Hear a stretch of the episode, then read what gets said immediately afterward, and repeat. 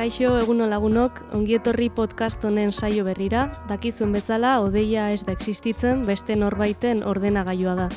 Kaixo Kristina zer moduz? Kaixo Sandra Azemuz.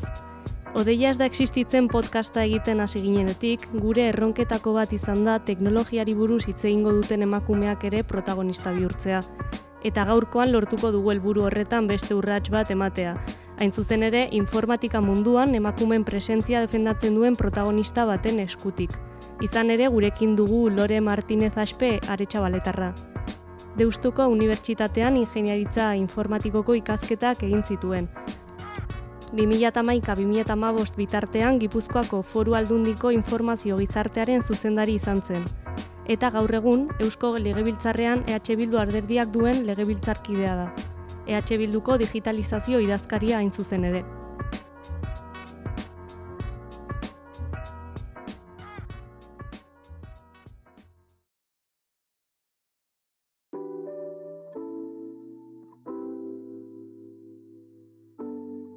Lore, teknologia burujabetza defendatzen duten proposamen desberdinen bozera maielanetan jarraitu zaitugu.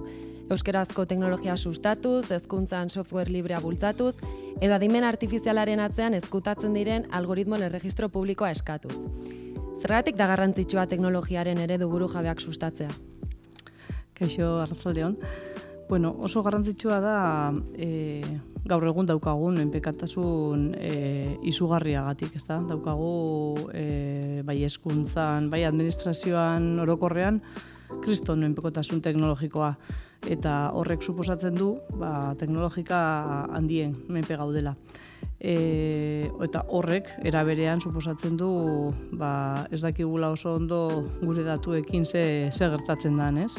Estatu batutara joaten diren, hemen geratzen diren, nola kudeatzen diren, zertarako kudeatzen diren, eta ba, horrek ekartzen duen ondorioak ba, ba ez dira oso onak.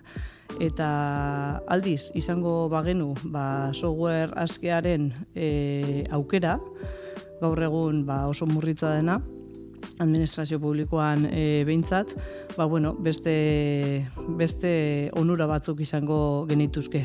Adibidez, e, datuen e, pribatutasunean eta ba, beste alde bat izango zan, ez? Hori alde batetik eta gero e, hizkuntzaren inguruan ere bai, ezta? E, e, azkenean software privatiboak ekartzen duena da ere, ba, hizkuntza gutxituan aukera ez dela bat ere, bat ere ona. Software e, askeak e, aldiz, ba, hori zabaltzen du, ezta? Eta e, gutxituen e, aukera eta bermea ba, asko handiagoa da. Eta hori gutxi balitz, gainera, e, kilometro zeroko e, eraldaketa digitala e, egingo bagenu, e, ba, bueno, ba, hor bakarrik e, ez, ez e, gure soluzio teknologikoak guk eraldatu eta hobetuko genitu ez, genituzkela, baizik eta elikatuko genukela e, gure ekosistema digitala, ez? Bertakoa, kilometro zero e, eraldaketa digitala izango genuke Euskal Herrian, ez? Horrek suposatzen duen guztiarekin, datuak hemen geratuko liratezke, eta gure soluzio teknologikoak, bai eskuntzan, bai osasungintzan, e, danean, hobetuko liatezke eta bertakuok egingo genuke. Eta horrek era berean agian, ekarriko luke eta politika publiko on batzuekin, ekarriko luke talentu teknologikoa ere, hemen sortu, hemen sustatu, eta agian, eta baldintza honak bermatuz gero, ba, hemen geldituko e, litzatekeela. Azken hilabeteetan algoritmoen erregistro publikoa sortzeko eskaerarekin atzera aurrera ibilizara. Lehenik eta behin, zer dira eta zertarako erabiltzen dira algoritmoak? Algoritmoak, nik orain dela Oita marrurtero ematen genituen algoritmoak. Orduan ere, hau eta hitz egiten genuen. Geneukan, eh? Olako ikasgai bat, ia zeukan izenan, ika, eh, erdaraz ikasi nuen gehiena, eta ba, geneukan eh, ikasgai bat. Eta bueno, algoritmoak azkenean dira e, soluzio bat bilatzeko, egiten diren e, eragiketak, e, eragiketa edo prozedura. Ez? Horrein bitartez, ba, azkenean, datuak sartzen zaizkio e, algoritmoari, horrek eragiketak e, batzuk e, egiten ditu, eta hortik e, ba, hori, soluzio bat edo emaitza bat e, lortzen da. hori litzateke algoritmoa gutxi gora bera egiten duena. Horregatik da hain garrantzitsua datuak e, ongi prestatuak egotea algoritmoekin. E, datuak ez dute edo saiatu behar gara, ba, hori e, alborapenik ez izatea, e, diskriminatzaileak ez izatea, eta algoritmora sartzen den momentuan ja e, oinarri hon bat izateko.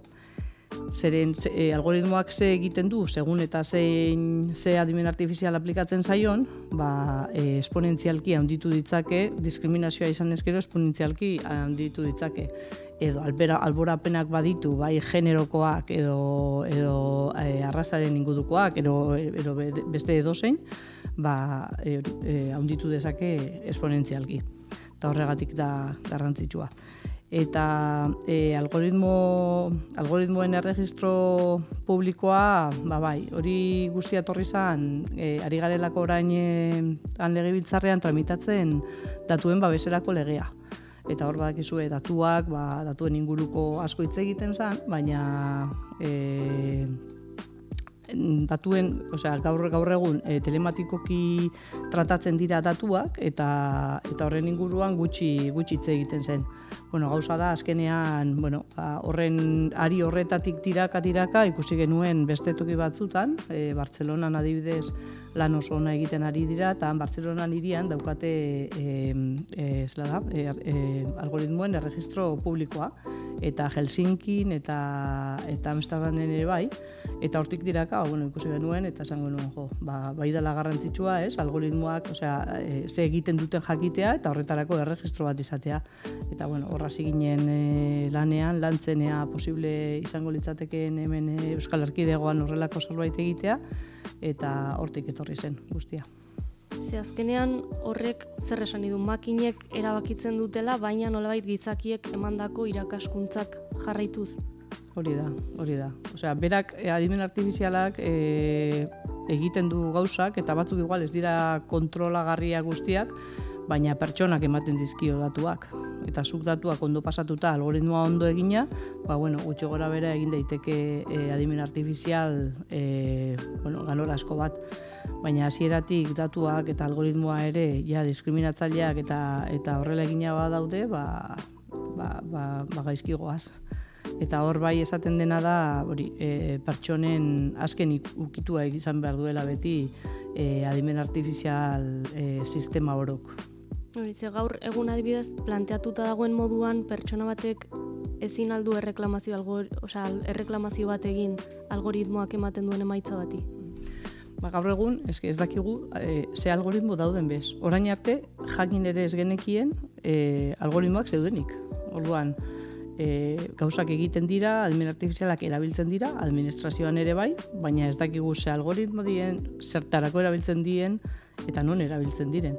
Torregatik, arrazoietako bat ere erregistro publikoa eskatzeko hori izan zan, ez da? Osea, esan irritarrei mesedez, e, gure datuekin ze egiten dan. Ze algoritmo eta zertarako erabiltzen dira hor mundu mailan eta badaude zenbait eh, adibide e, nola erabili diren algoritmoak eta batzutan ba ez dira oso, oso, oso ongi erabili, ez? Horre herberetan eta iruzurra salatzeko algoritmoa date erabili izan adibidez eta eta e, perjudikatuenak edo izan ziren e, e, migratzaileak, ezta? ze kontuan izaten zuen algoritmoak e, pertsonen edo diru laguntzen eskatzaileak eta dana diskriminazio hori e, e, muturrera eman zuen eta gelditu ziren migratzaile pila bat diru laguntza gabe. Azkenean hor egon zen abokatu bat e, dena hartzen eta horrela eta eta herberetan gobernu mailan ere dimisioak eta ekarri zituen. Orduan e, eta bueno, hori bakarrik adibide bakarra, eh?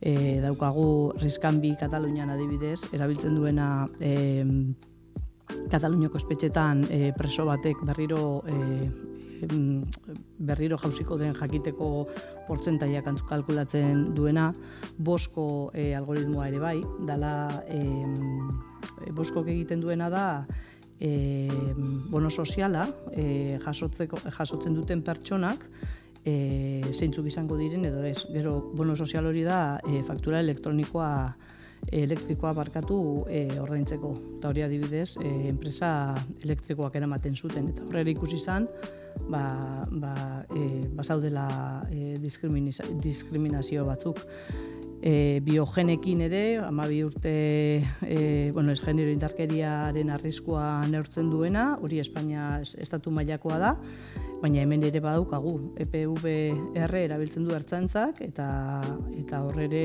agertu dira datu batzuk ez oso baikorrak. Orduan, e, ikusita guzti hau dagoela, eta, eta kasu batzutan, ez dala e, ondo egiten ari, ba, ba beharrezkoa da gardentasuna, ez? Gardentasuna, jakin e, ze algoritmo erabiltzen diren, ze datuekin eta eta zertarako erabiltzen diren eta horrek ze inpaktu sozial daukan herritarrengan. Ze, ez dakit, beste algoritmo bat bada, ez dakit zer beste gauza e, arrunt tratatzen duena, bueno, Baina, klaro, diru laguntzekin eta jendearen bizitza ikutzen duten algoritmoak ba, garrantzitsua dira eta eta hor gardentasuna ezinbestekoa da. Bueno, eta azkenean Eusko Legebiltzarrak onartu du EAEko administrazio publikoak erabiltzen dituen algoritmo eta adimen artifizialeko sistemen algoritmoen erregistro publiko bat sortzea. Orduan, orain, behin horrazuta, e, zer esan nahi du horrek? Zertan eragingo du herritarron bizitzan? e, gure eskubidetan iragina izango du? Bueno, hor eh, esan beharra daukat, e, berez mozio batez, e, mozio bat EH Bilduko e, aurkeztu zuen mozio baten bitartez egin genuela, mozioan e, asko detaiatzen genuen, zelan e, izan behar zen erregistro publiko hori, algoritmoen erregistro publiko hori, ze, bueno, harremanak izan ditugu e, Europar batasuneko batzordean, e, adimen artifizialeko batzorde horretan, lanean ari den jendearekin, eta eta bereakin kontsultatuta ja mozioan aurkeztu genuen dana detaiatuta. Eta orduan, hor mozioan adibidez, agertzen zen, e, zei puntu agertzen ziren, e, beharrezkoak zirenak, e, ba hori, erregistro horrek e, jaso beharreko e, puntu bezala, ez? Eta zan, bueno, bat zan sistemari buruzko informazio orokorra, bi prozesuarena, e, irugarrena entrenamentu datuei buruzkoa, laugarrena eredu algoritmo, algoritmo, algoritmikoari buruzko informazioa, bost, alborapen eta inpaktuei buruzko informazioa, hau da, hor jarri behar zan, e, ze test mota egin eta inpaktu negatibuen alborapnik ez egoela balioskatzeko, eta zeigorren puntua zan, apelazio metodoi buruzko informazioa. Hau da, erabaki automatizatuak, zein e, instantziatan hartzen ziren, eta kaso horietan ze informazio, osea, zelan erreklamatu ez, eta zuk espadozu e, zure datuekin hori egin nahi, ba nola apelatu zen, zen ezakeen. Kara, zegoen dana detaiatu, detaiatuta. Gero gainera eskatzen genuen e, jarraipen batzorde bat egitea ere bai, hau da egiten badu, baina inork ez badu kontrolatzen, ez badu jarraipen bat egiten, ba gelditu, gelditu daiteke hor, hor non bait, ez, hasierako datu batzukin, baina ez bada gaurkotzen, ez baduzu e, jarraitzen, ba ez dauka, ez dauka etorkizunik. Hau da guk apiskat e, bost puntuko mozio bat egin genuen, baina claro, hori gertatzen dena da, gero ba, adostera zenean beste alderdi politikoekin edo gobernuarekin, ba, bueno, ba, batzuk bereiak utzi behar dituzte gauzakatzean eta guk ere bai. Eta bueno, azkenean e, onartu zena, onartu zena izan zen erregistro publiko bat, e, algoritmoen erregistro publiko bat sortzea eta bueno, hori eta gero e, ez bakarrik administrazioak, euskal administrazioak, edo erkidegoko administrazioak erabiltzen dituen algoritmoena, baizik eta e, e, ornitzaileena ere bai. Hau da, e, eusko jorlaritzak edo, edo e, aldundiak edo, edo udaletxe batek kontratatzen badu ornitzaile bat, horren horrek erabiltzen duen algoritmoa ere erregistro horretan e, erregistratu beharko da ez da hasierako ba, guk geneukan ez, e, desglose hori zei puntuetan eta oso zehatza zena, baina bueno, poliki poliki. Nik uste dut, e, algoritmoen erregistro publiko honek daukan e, ba hori, onura onena, da ba, sozializatzen hasten garela, ez? herritarren oinarrizko eskubide badelako, e, behintzat identifikatzea, osea, zelan tratatzen diren gure datuak, ez? Eta nik uste dut hori sozializazio hori ba, badala, badala ba, bueno, urrats bat, lehenengo urratsa ez, hau esaten genuen, hau erregistro hau da fase huts, edo fase zeroa ez, orain dago egiteko, bueno, baina pila, pila bat gauza ez, e, aipatzen nuen hornitzaileen inguruan ere bai, e, ez, ez egitu behar zaio administrazioari algoritmoak identifikatu, auditatu eta dan egitea, baina hornitzaile bai. Ze askotan administrazioak aspiko tratatu egiten ditu hornitzaile teknologiko digitalak, eta horiek ere legea bete behar dute. Eta horiek ere registratu behar dituzte algoritmoak beti ere herritarren datuak tratatzen badituzte. Eta bueno, hau izan zan pixkat, ba, ba orain ingoz egin duguna. EA izango da honelako algoritmoen erregistro publikoa bultzatzen duen lehen erkidegoa, ezta? Baldago beste herrialderik nun algoritmoak gardentasunez landu, diner, landu diren?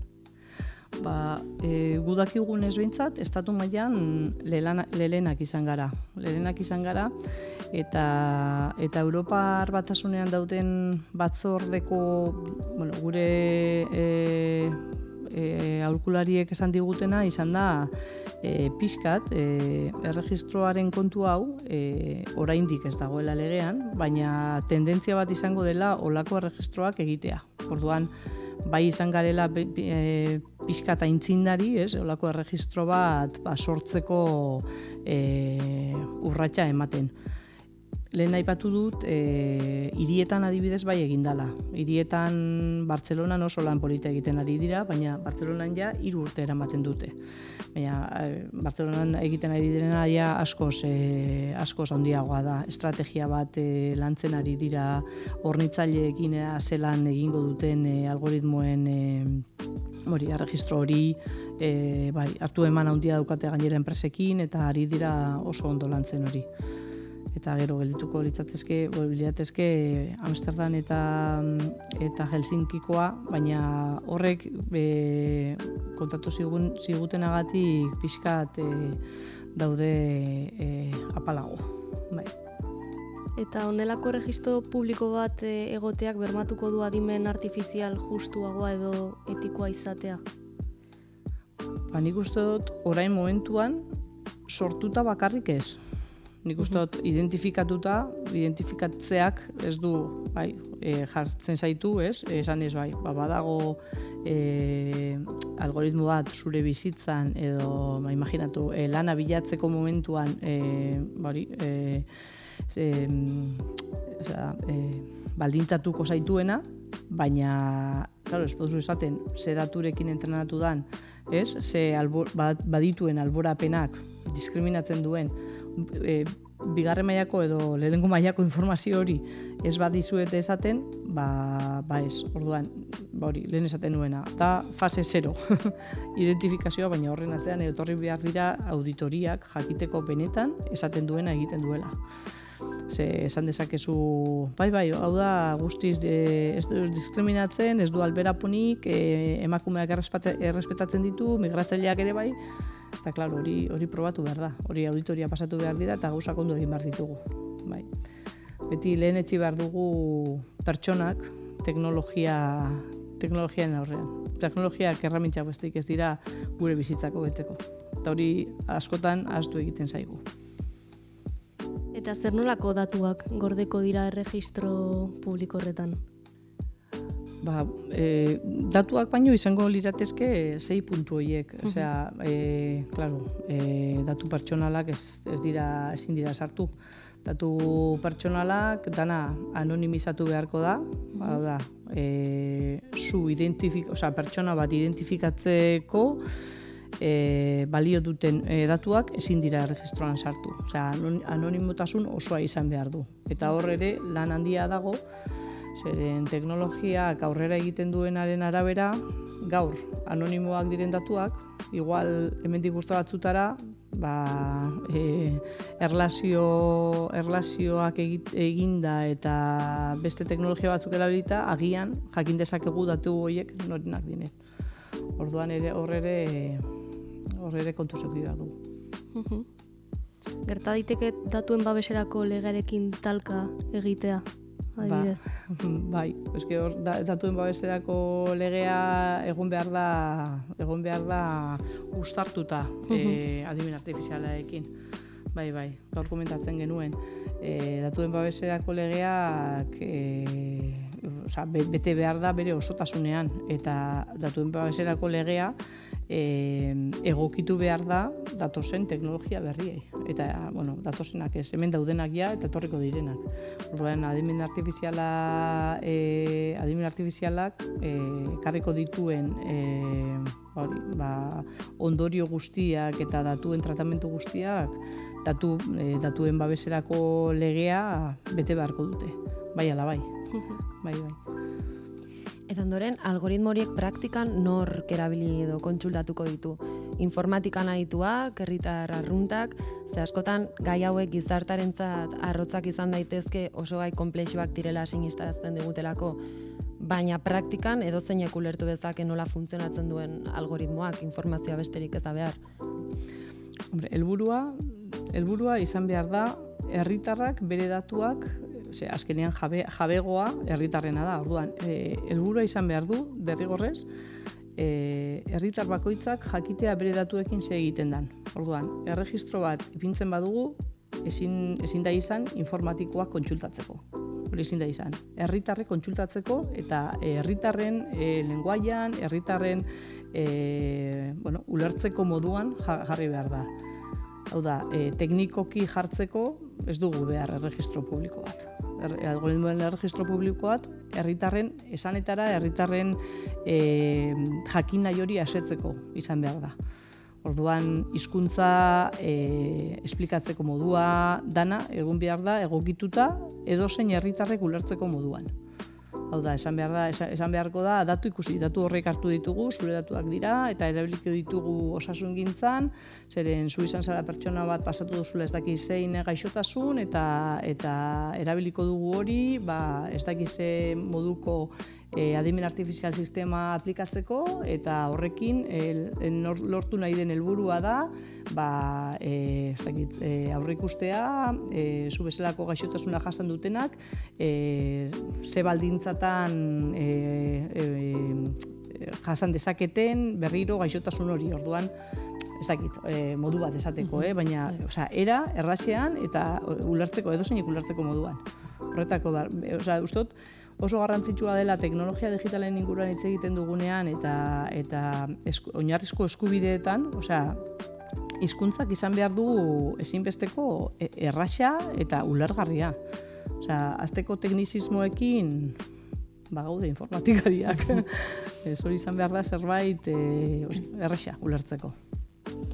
Ekainaren amalauan, adimen artifizialaren legea onartu zuen Europako Parlamentuak. Mundu mailan mota honetako lehen erregulazioa. Honek nola eragingo du? Bueno, hori zerri borro bat uste dut ez, izan zala, eta, bueno, hor e, uste dut, hor ziren gauzen artean, e, e, irudi biometrikoak, ez, e, grabatu ezingo direla, ez hau da, bakoitzaren errekonosimentu faziala, ez, e, aurpegiko errekonosimentua grabatu ezin, ezingo dela grabatu Europan, eta bakarri kontsultatu izango dela e, delituren bat badago tartean.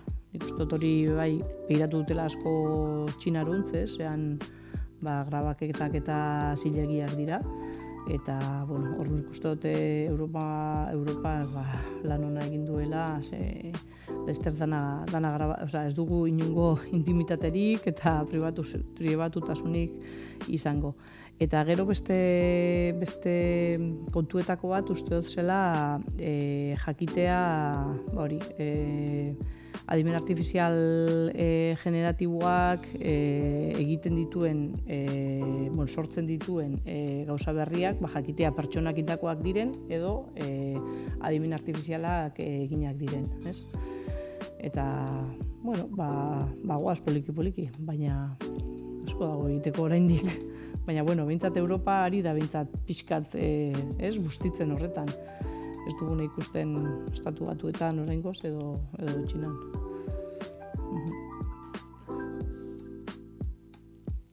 Chat GPT-ri galdetu diogu ea adimen artifizialak erabiltzen dituen algoritmoak publiko izan beharko lirateken.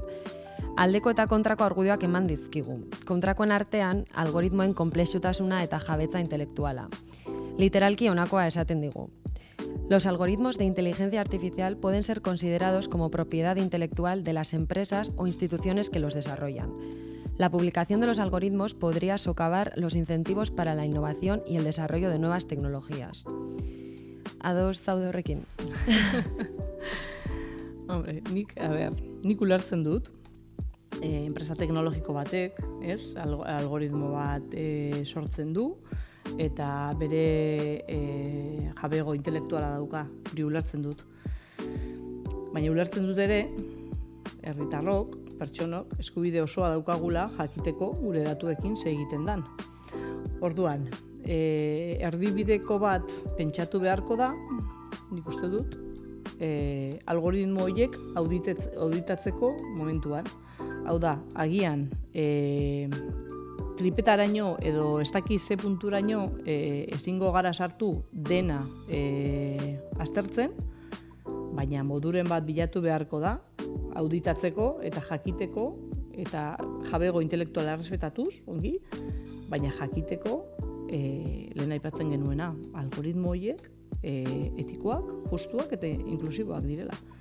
Osea, azkenean, e, eta horrek ez dut uste, berrikuntzari kalte egingo liokenik ustot hori dela ba, ba erdibideko hori izango litzatekeela e, konponbidea. Mhm. Nola egin, ba, hori pentsatu beharko da.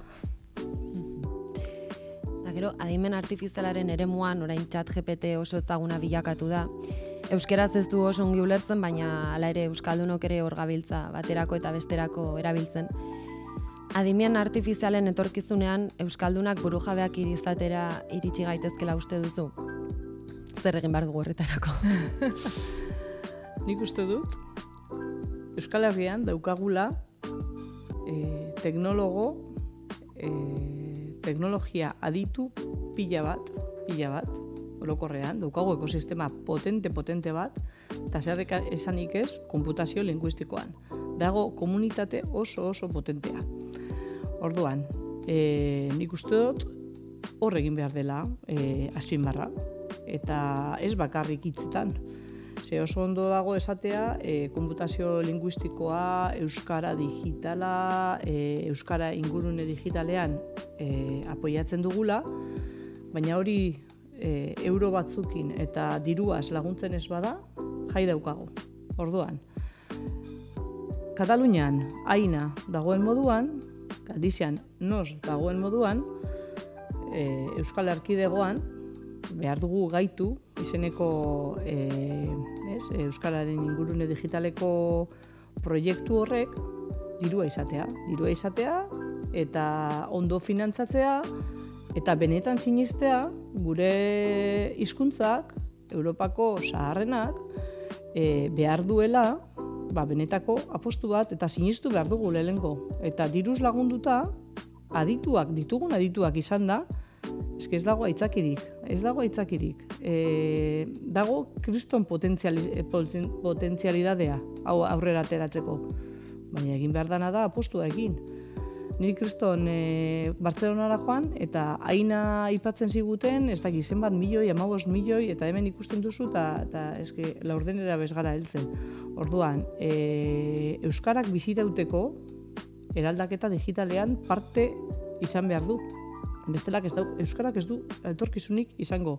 Euskara, e, Euskara digitalki ez badugu prestatzen, eta hor daude, ez? E, pantaiak euskaraz eta olako elkarteak eta eta Netflix euskaraz eta alakoak eske ez dakit e, ardura dutenek hori ikuskatzen duten, baina edo euskara sartzen da eraldak digitalean, ero euskara e, galduko dugu. Orduan, e, chat GPT horrek ja beste niri beste hausnarketa batzuk ematen dizkit. Lehenengo jakin beharko genuke, ze daukagu tendentzia asko progresistak izaten teknologiarekin. E, bai, bai, txapeta BGT, Euskaraz, ez ez, lehenengo pentsatu behar dugu, ez Euskaraz, ez gazteleraz, ez ez txinos. Txat GPT ondo dago, ze helburu asetzen dizkigu guri, eskuntzan, e, bizitzan, e, e, enpresetan. Asetzen ditu gure eta eta eta eta ko, e, oza, koherentea da gure balioekin eta gure printzipioekin, bai. Ala, ala Italian gertatu den bezala. Datuen babeseko lea ez du, ez du betetzen. Orduan, e, irakotxik, irakatziko dioku gure ikaslei e, chat GPT dakigunean ez duela betetzen datuen babeserako legea. Ba, ez dakit, niri e, zalantza asko sartzen zaizkit, ze e, uste dut ondo identifikatu behar ditugula e, teknologia, teknologiak e, gurekin bat eta tosenak, hau da, e, zertarako hori ondo identifikatu behar dugu, eta behin identifikatuta, orduan aurrera pausua eman. Baina, baina tendentzia hori e, ateratzen dena e, teknologian teknologia berriak ateratzen dira eta ja jakin nahi dugu zela erabiltzen da ze oazen aztertzera lehengo ze, ze, ze gertatzen ari den, ez? Horra adibidez, eta ja bukatuko dute, adimen artifizialen inguruan dago gauza bat oso, oso, oso bizuala dana, ez? Zer gertatzen ari da teknologia digitalekin azken hogei urteetan ari gara e, ikertzen, ari gara berritzen, ari gara teknologia e, soluzio digital barriak ataratzen. Eta medikamentuekin pasatzen ez den bezala, osea, berritzen dugu nenean, merkaturatzen dugu. Medikamentuekin ez da hori gertatzen. Medikamentuak, bai, berritzen dira, ikertzen da medikamentuak, ez, gaixotasun bati soluzioa emateko, ikertu egiten da. Baina ikertzetik eta berritzetik ez doaz merkatura hor egiten dira tesak, egiten dira milaka froga jakiteko pertsonen gantze inpaktu daukan. Eta gainera, ez bakarrik egiten dira, gero, azaltzen dira olako prospektu baten. Prospektu horrek esaten dizu, ba ikusi, medikamentu horrek dauka kalte hauek, dauka arrisku hauek, eta e, olakoa basara ezin duzu erabili. Ba, berdina behar dugu, baina adimen artifizialean. Adimen artifizialean behar da, e, berritu, oza, berrikuntzari eman, e, iker, ikerkuntza ere bai, teknologia digitalen, bale, guazen soluzio berriak topatzera. Baina behin topatuta daukasunean, produktua daukasunean, begiratu egin behar da. Ze kalte, ze kalte ditu? E, badago bermerik datuen babesa e, betetzen duela? Albora penakoa ditu, egin dituzu etesak ikusteko emakumeak diskriminatzen dituen? Ero, ero azalbeltzeko pertsonak e, e, e, diskriminatzen dituen? Edo, ez dakit, anistazun funtzionala dutenak, edo, edo, edo diskriminatzailea den berez? Ez dira froga horrek egin. Osea, egin hori gertatu zen. Lau betetan, produktua bukatu, merkatura. Aiako idauz. Eskuntzan e, e, ikastola eta ikastetxe guztietan erabili da, eta berdin da, betetzen duen datuen babeserako legia da ez. Dene jakin nahi dute nola erabiltzen da. Baina nik uste dut hor, e, hausnarketa, gogoeta egin behar dela, jakiteko benetan, e, a ber, nora goaz? Nora goaz? Osea, e, zer da garrantzitsua? Teknologia lagu. Osea, ze, ze, ze gizarte e, osatzen ari gara horrelako, ez? Hausnarketa momentu bat, une baten gelditu barik. Osea, uste dut hori falta dela. Eta prospektu hori, medikamentuen prospektu hori esateko teknologiak e, ze kalte dituen, ze arrisku, no, no, noiz erabili behar diren, eta noiz ez, hori, hori falta da. Eta hori beharrezkoa da, eta hori beharko genuke. Benetan teknologiak e, zentzuz erabiltzeko eta pertsonen onuran erabiltzeko. Ez, honekin lotuta lehen aipatu ezu italian orain e, adibidez chat GPT e, debekatu dutela, eta ber uste dezun e, beste herrialdetan ere e, azterketa hori egin arte, aber uste dezun debekatu beharko litzatekela ere bai, ze azkenan orain behin ja martxan jarri dela eta ja mundu guztiak erabiltzen dugu hori, berez zaila da orain debekatzea orain hori aztertzeko ez. Bai, nik uste dut hori hasieratik egin barzala. Osea, ez dugu utziko e, teknologiarik probatzen, ez badago aurrez testatuta. Osea, baina hori enpresak egin behar du. Enpresa batek ezin du merkaturatu e, pertsonon kalterako izan daiteken zerbait. Que, e, oza, ez du izten, ez, e, janariakin ez du izten, ez da? Janariak testatuta daude, e, dana daukate bere referentziak, esan ez, nondi datu zen, e, ze prozesu eraman duten, ba, teknologiarekin, berdina, e, elektrogailuek, e, osgailuek adibidez ere, badukate A positiboa, energiaren ingurukoa. Eski, danak daude identifikatuta, teknologiak enduta. Teknologiak ez dauka ezer. Osea, ikertzen da, e, berritzen da eta merkatura. Eta erabili desatela ikasleek, erabili desatela pertsonek, eta gero ikusiko dugu ea ze kalte egiten dituzten. Baina gero berandu da. Gero berandu da, hori hori hori moztu behar da. Hasieratik, mo, nire ustez behintzat, hasieratik moztu behar da. Goazen erabiltzera teknologia, pertsonen onurarako izango dan teknologia. Eta dago pila bat. Adimen artifiziala ondo erabilita da pertsonondako onure izugarria. Beti ere ondo erabilita. Eta ez da zaila ondo erabiltzea bez, eh? baina hori ondo, ondo erabili behar da. Ezinbestekoa da. Bale, amaitzeko lore, etorkizun erabegira jarri gara, eta bonus track gisa edo, bueno, pare bat galdera bota nahi izkizut. E, lehenengo, adimen artifizialaren inguruko edozein eztabaidatan sartzen garenean, galderaz josita urkitzen ditugu gure boruak, beti. Iruditzen zaizu adirmen artifizialaren gaia sentzu honetan, oraindik berria dela eta gizartean nola baita atzetik doala? Bai, bai, teknologiakin beti antzelakoa gertatzen da. Bai, gizartea oso atzera doa, eta gainera ez dugu ondo sozializatzen nik uste dut. Esplikatzen ondo ze, ze onura ekarditzakeen, ze kalte, e, eta hori maila guztietan gainera, eh? Osea, enpresetan, e, administrazio publikoan eta herritarren gan, e, ikasleen gan, nik uste hori dana, zentsi, osea, ez dakit, e, sozializatu beharko genuke eta, eta ez, apiskate sensibilizatu ere bai. Hori gertatzen da pixka bat, ez adimen artifizialekin, e, goikorrekin bai, ez?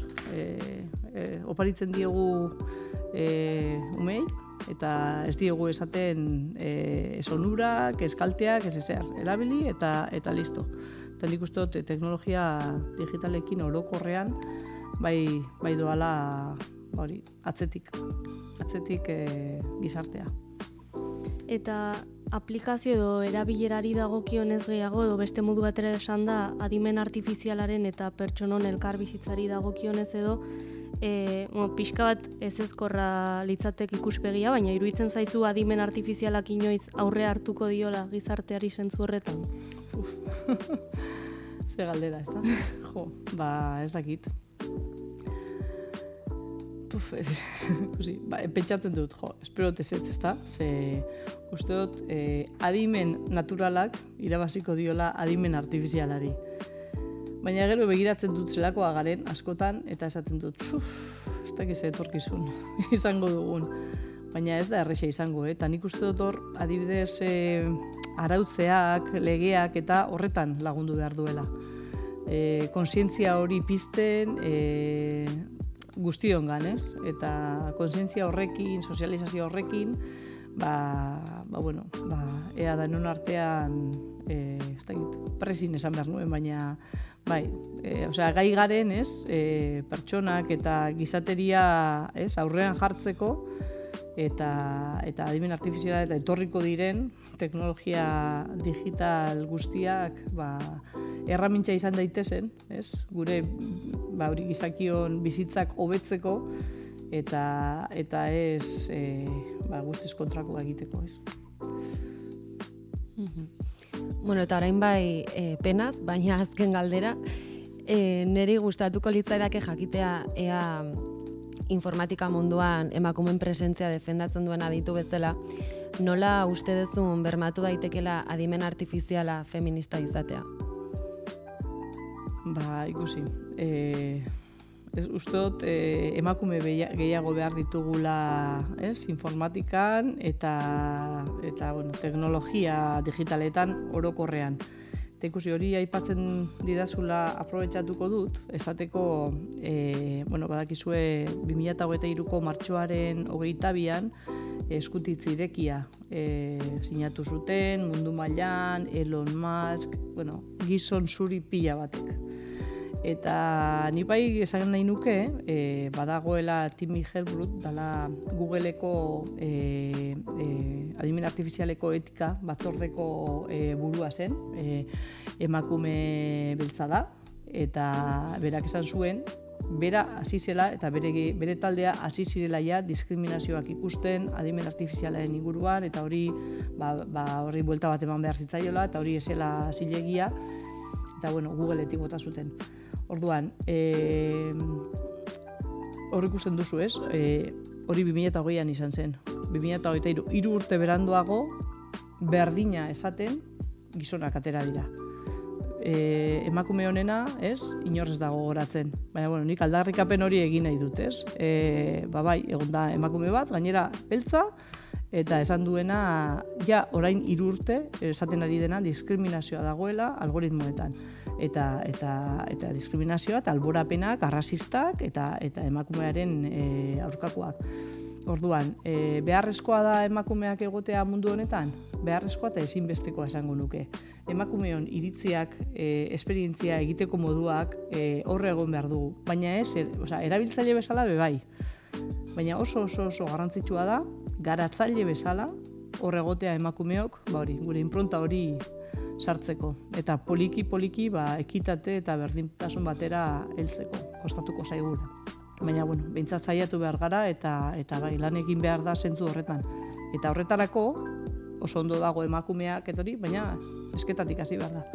Neskak ahaldundu behar ditugu teknologiatan eta autokontzeptuan eta eta eta hor lanketa oso oso potolo bat egin behar da. Benetan hemendik urte batzutara neska teknologo gehiago izan nahi baditugu. Tira balore, benetan plazerra izan da zurekin hitz egitea gai hauei buruz.